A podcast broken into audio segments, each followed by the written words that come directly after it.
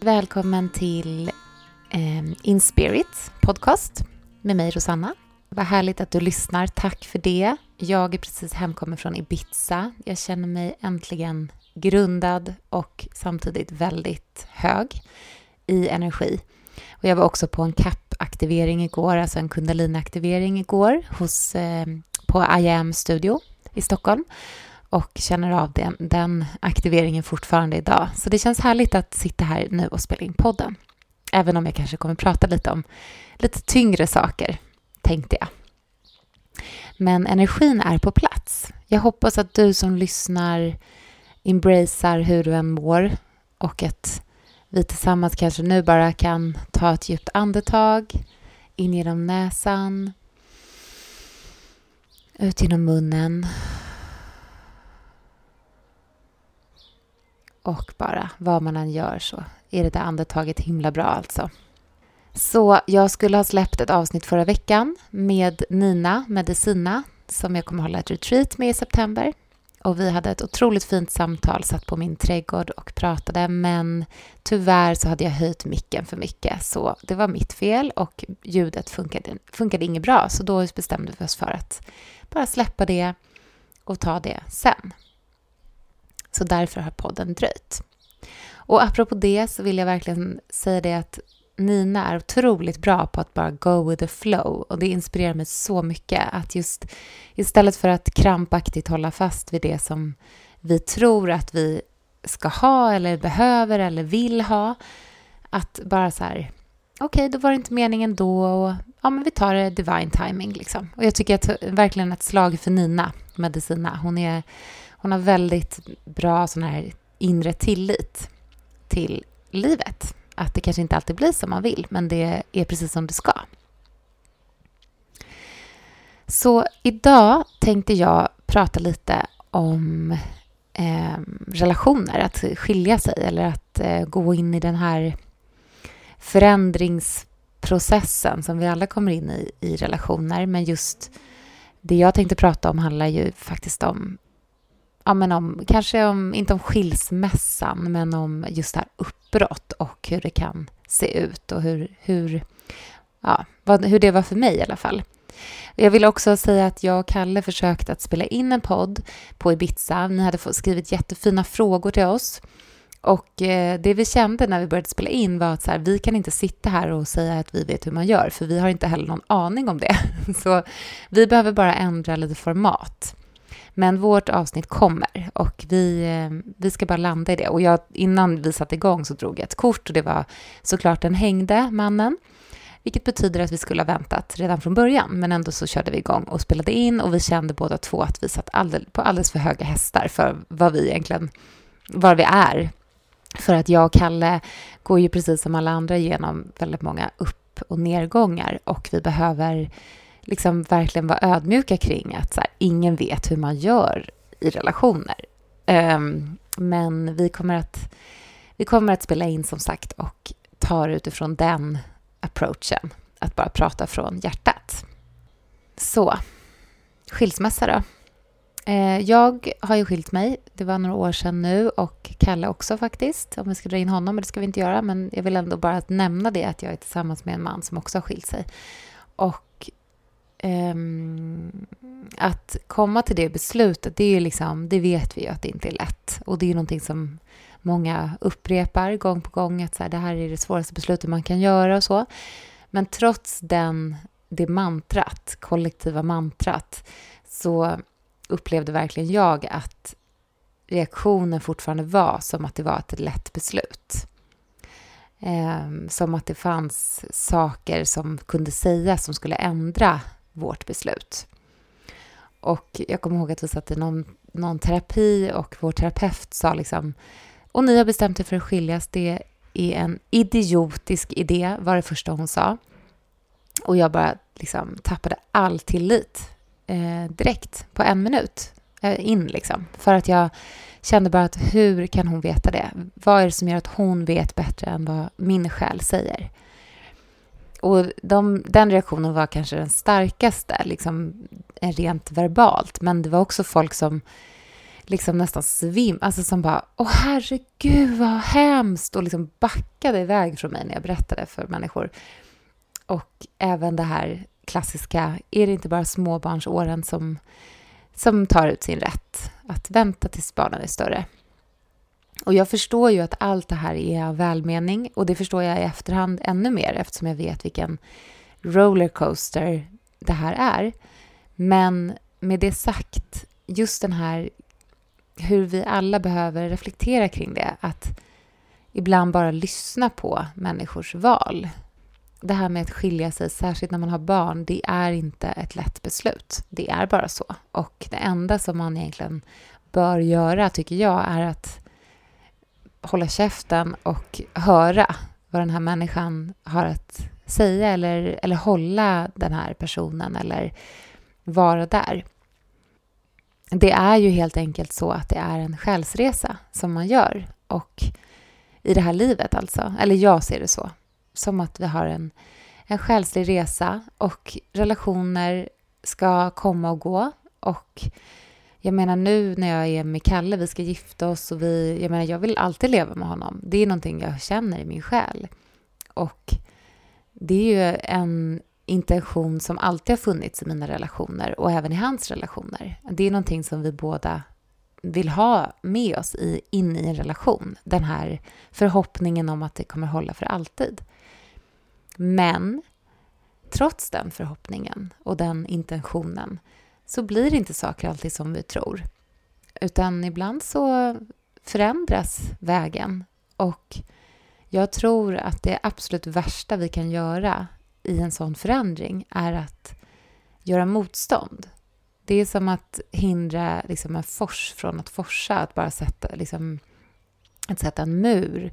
Vad händer? Det bara byggs upp och byggs upp och byggs upp och till slut så kanske det kommer en spricka och det bara sprutar ut och sen så kanske den går sönder och det bara liksom. Det är den energin i det, att stoppa någonting som behöver flöda. Och just jag var ju på den här, jag var på den här capen igår och Julia då som har IAM Studio, hon eh, pratade lite i början och sa det här med att vi är ju de enda djuren som eh, grämer oss över det som har hänt, det som har varit, det förflutna och även och tänker på framtiden. Men vi kanske framför allt tänker på dåtiden, det som har hänt. Hon sa det att så här, om ett lejon eh, förlorar en kamp kanske mot, eh, eller nu säger jag inte ordagrant, men så här hörde jag henne. Om ett lejon förlorar liksom en kamp Ehm, så kommer ju han inte att ligga liksom och ha ångest över det i en vecka. Och bara, vad hände där? Vad gjorde jag för fel? Om jag bara hade tagit den här vägen eller om jag hade inte gjort det där eller gud vad pinsamt att jag förlorade inför mina kompisar eller whatever. Utan han borstar ju bara av sig och låter sin man glittra i guld och ja, kör på med nuet. Och samma sak om någonting bra har hänt också. Att det är ingenting som, liksom, som definierar honom eller som han tänker på sen, sen utan sen. utan det är ju verkligen... Eh, ja, det är ju så. Vi är de enda djuren som håller på där bak och framåt och liksom tycker att det är det viktigaste som har hänt. Och samma sak med de här då, om vi tänker en relation som tar slut. Det är ju otroligt viktigt att sörja och vara i alla de här processerna såklart.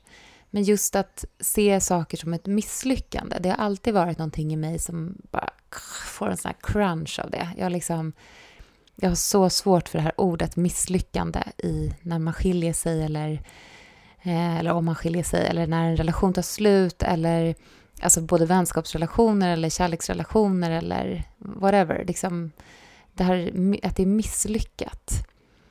För mig så har jag sedan jag var liten känt att det är fel att säga så. Det är inte så det är utan det är ju bara någonting som ska vara och vad gör vi åt det?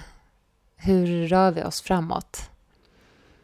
Det är väl snarare det som definierar det hela. Hur vi rör oss sen. Hur vi behandlar eh, människor runt oss eller oss själva i den här processen. För det är en riktig utmaning att hålla sig i kärlek och hålla sig i respekt när man är rädd. Och jag vill verkligen sända ut kärlek till alla er som är i den här processen just nu, som kanske är i det här, de här första stegen, de här stapplande första stegen i en skilsmässa eller en relation som tar slut. Av att bara... Man vet ingenting. Det är som att gå helt blindfolded över ett stup. Eller ut med ett stup. Och inte veta överhuvudtaget hur nära marken man är. Och bara falla. Och jag känner mer och jag vet hur det är och det enda jag kan säga där är att ha tillit, andas och mitt mantra var steg för steg hela tiden. Steg för steg, steg för steg.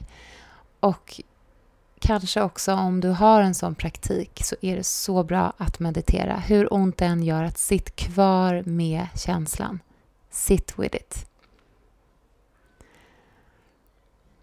Och jag vet hur lätt det är att liksom få en hårdhet eller för mig i alla fall, när jag hade tagit mitt beslut och vi var överens om det och sådär. Men sen så liksom, man börjar ju med att säga att jo men vi kommer alltid vara vänner och vi kommer äta middagar ihop och vi kommer resa ihop och man har ju en sån, en sån plan.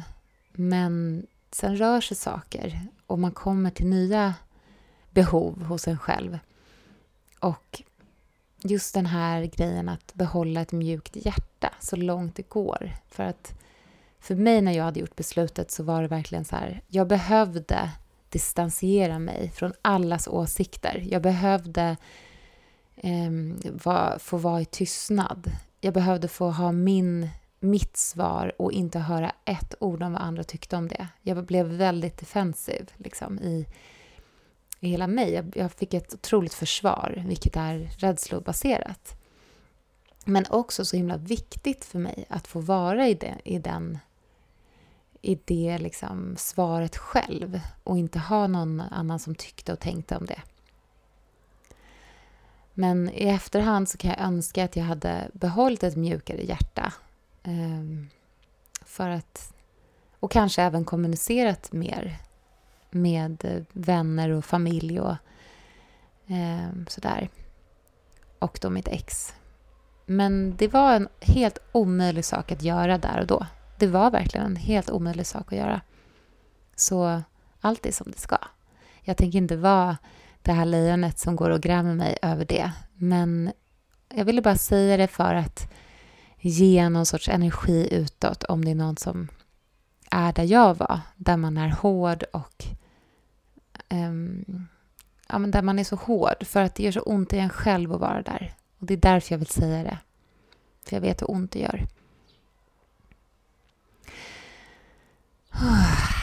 Okej. Okay. Så en sak att bara fundera över är ju alltid syftet. Det brukar jag säga med reiki, till reikisarna, eller på att säga, till reiki-eleverna. Att vad är syftet med reiki för dig? Och samma sak tycker jag gäller allt. Att så här, vad är syftet med en relation som tar slut för dig? Eh, vad handlar det om? Där finns det lite svar kanske. Att för mig handlade det om att knyta ihop vår säck, att vi var klara med varandra nu. Vi, var, alltså, vi är inte klara med varandra, vi har ju varandra big time i varandras liv, på gott och ont ibland, tycker säkert han, men strunt samma.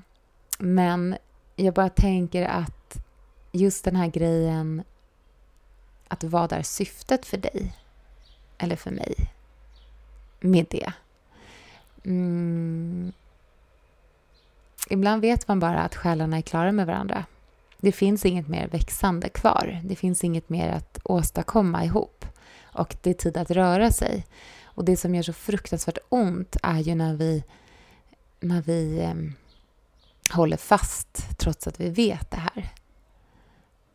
Men hade syftet varit för mig att liksom jag hade varit för rädd för att ingå i en relation ordentligt för att jag är för rädd att älska helhjärtat. Då är det ju något annat där. Um, då kan det vara väldigt bra att gå och prata eller att liksom dive deeper i sig själv. Men just det här att i alla, liksom alla områden i livet, så här, vad är mitt syfte? Är det på rätt... Är jag på rätt um, frekvens eller rätt väg att göra det här?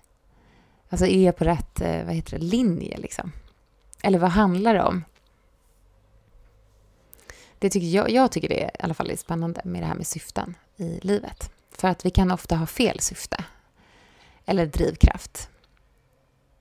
Eller fel, men eh, en drivkraft som kanske inte kommer gynna oss i längden. är det jag menar då. Att vi följer rädslan istället för kärleken. Och det kan ju även vara om man är i en destruktiv relation och inte vågar gå för att man, är, man följer rädslan och inte kärleken. Men det kan också vara att när man är i en bra relation och inte vågar följa kärleken utan väljer rädslan. Att man inte vågar älska fullt ut. Och det där är ju någonting som var och en av oss vet själva. Det har ingenting med... Det kan ingen hjälpa oss med. Det finns ingen som kan berätta så här, det här tycker jag att du ska göra eller det här ser jag. Utan det här är någonting som du vet i din själ, som jag vet i min själ. Så att vara i den här processen, det är ju verkligen det här dark night of the soul som många pratar om. Att bara vara i, i liksom, vad är det? Katlafallet, vad säger man? Ja. Katlafallet heter det va? Man är det där i en skärseld. Men det finns också ljusglimtar. Jag kommer ihåg att jag låg i min lägenhet. Jag hade fått den Ehm, efter mycket om och men med det här med praktiska, det är ju allt det där. Liksom. Så jag låg jag i min lägenhet, det var väldigt kallt där. Ehm, jag frös mycket och det hade också att göra med att jag hade gått ner väldigt mycket i vikt och jag mådde dåligt. Jag hade svårt att äta också. Men och jag låg i sängen och bara droppade liksom tårar från mina ögon konstant. Men det fanns någonting, det var min, min healing. Det var mitt healing place. Jag bara låg och kollade på Polstjärnan som lös och jag kände att mina barn är under Polstjärnan för de var ju en, en annan plats, eller på en annan plats, en fysisk plats, ett annat hus. Och hela min själ ville ju såklart vara där de var. Men det skulle inte vara så längre. Och att bara få vara, gå inåt och sörja och vara i det, det var läkande för mig. Och det fanns någonting, det är väldigt lätt alltid att romantisera i efterhand. Tycker jag, när man har varit igenom riktigt tuffa tider. Att se det, man förstår liksom.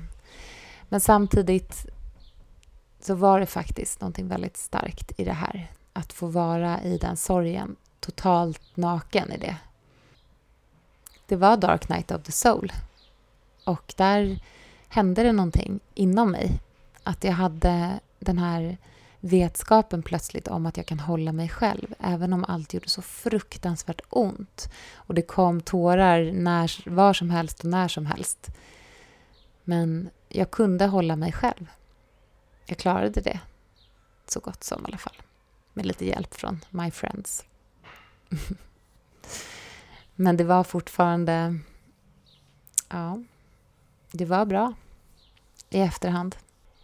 Och där fanns ju den här rädslan över framtiden. Så den vill jag prata lite om nu. Nu har vi pratat om rädslan, eller grämandet om det förflutna. Att vad hjälper det i nuet? Att vara arg på sig själv. Ska vi bara bestämma att vi inte gör så mer? Utan att vi ser det som att saker the dots connect. Saker leder fram till saker. Det händer, liksom, vi kommer framåt. Och att vi tar ansvar för det som har hänt genom att förändra framtiden, eller nuet. Och att kanske bjuda in förlåtelse över tillkortakommanden. Jag har lärt mig saker.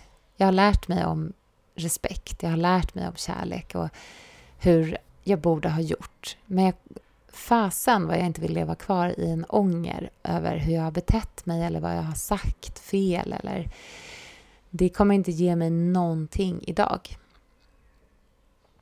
Så till framtiden då, för den är ju det som jag hade ångest över. För ångest handlar ju om framtid och sorg handlar ju om dåtid.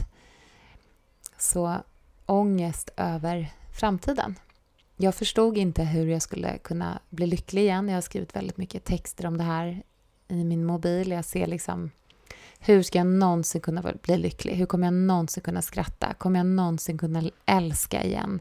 Jag ville inte ens prata om män när mina kompisar försökte liksom hur känner du för den här, den här?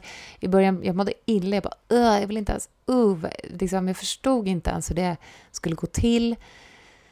Um, men... Ja. Sen var det ju som att det kom liksom någon, någon liten sån här pust av det finns kanske någonting där. Jag kommer ihåg att jag drömde om någon, en man och att jag stod och ropade upp till himlen. Jag drömde om han i Bonusfamiljen faktiskt, Petra Medes pojkvän, så oklart.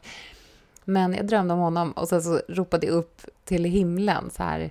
Jag har aldrig varit så kär, jag är så, kär, jag är så jävla lycklig typ, eller något sånt där.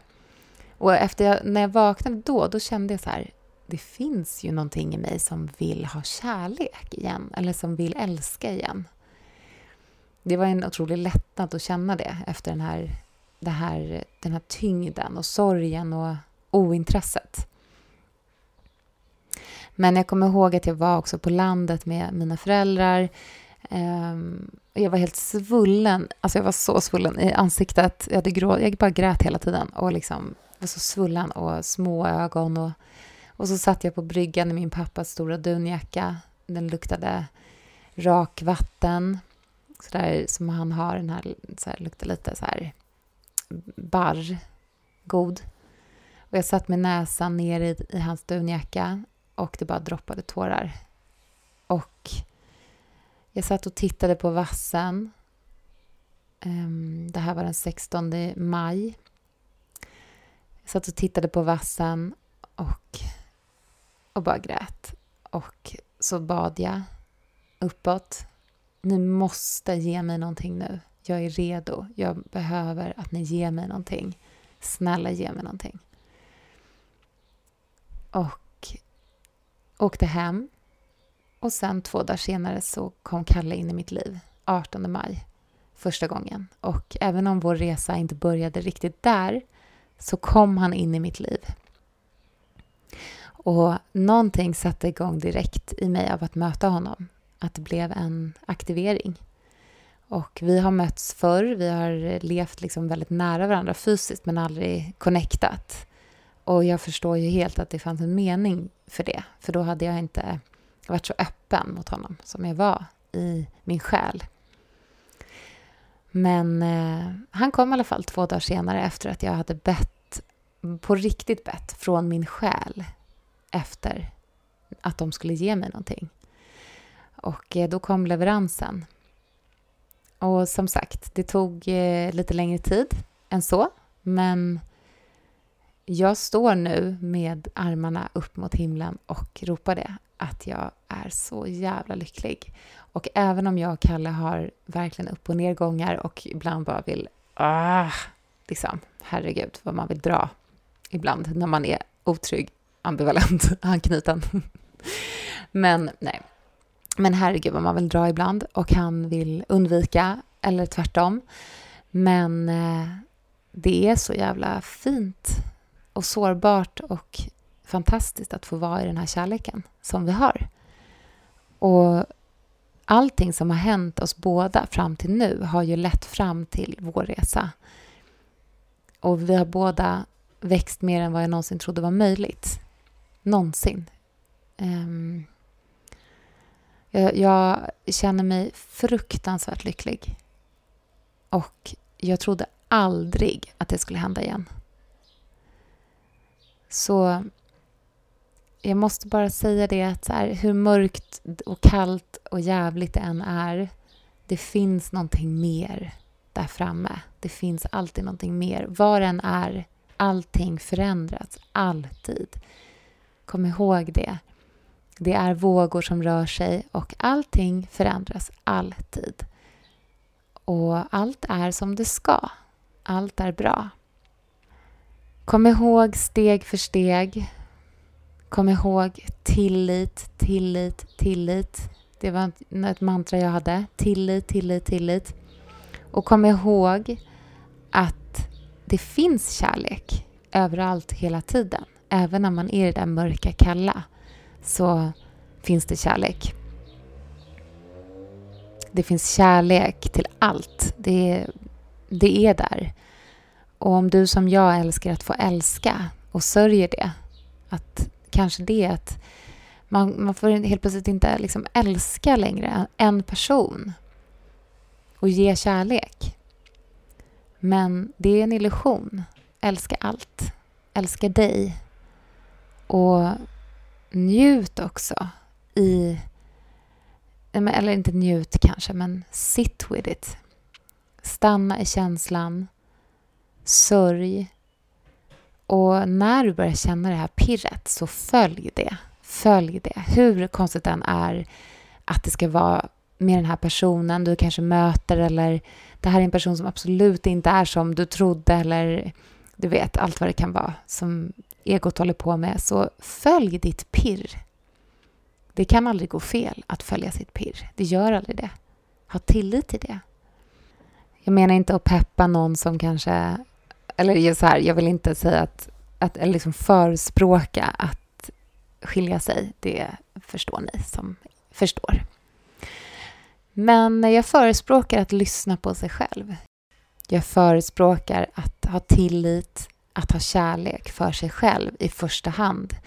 Och jag vill också säga att du har ingen aning om dina barns, din man eller fru eller pojkväns eller whatever.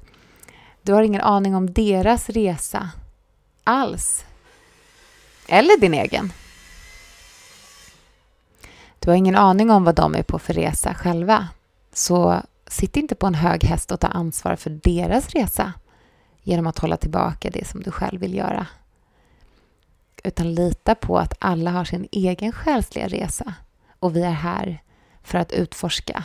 Vi är här för att vara sanna och vi är här för att vila också i kärlek. Mm, det var det. Tack, tack, tack för att du lyssnar. Och igen, vi har ett retreat i september, jag och Nina Medicina, fantastisk kakaogudinna, shaman. Hon är otrolig.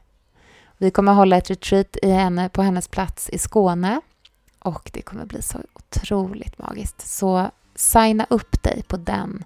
Gå in på hennes hemsida på Nina Medicina eller skicka ett direktmeddelande till mig på Reiki Rossi eh, Instagram. Jag önskar dig all kärlek i världen och igen, sitt med det. Vad du än känner just nu, så sitt med det. Och räkna med att allting förändras med tiden. Och även den starkaste känsla kommer förändras på tre minuter om du sitter kvar med den. Till skillnad på, för, eller till skillnad på om du trycker ner den för då återkommer den igen och igen och igen. Men låt den få bete sig som en våg som bara sköljer in i dig, genom dig och sen klingar av. Tjock ta hand om dig. Hejdå!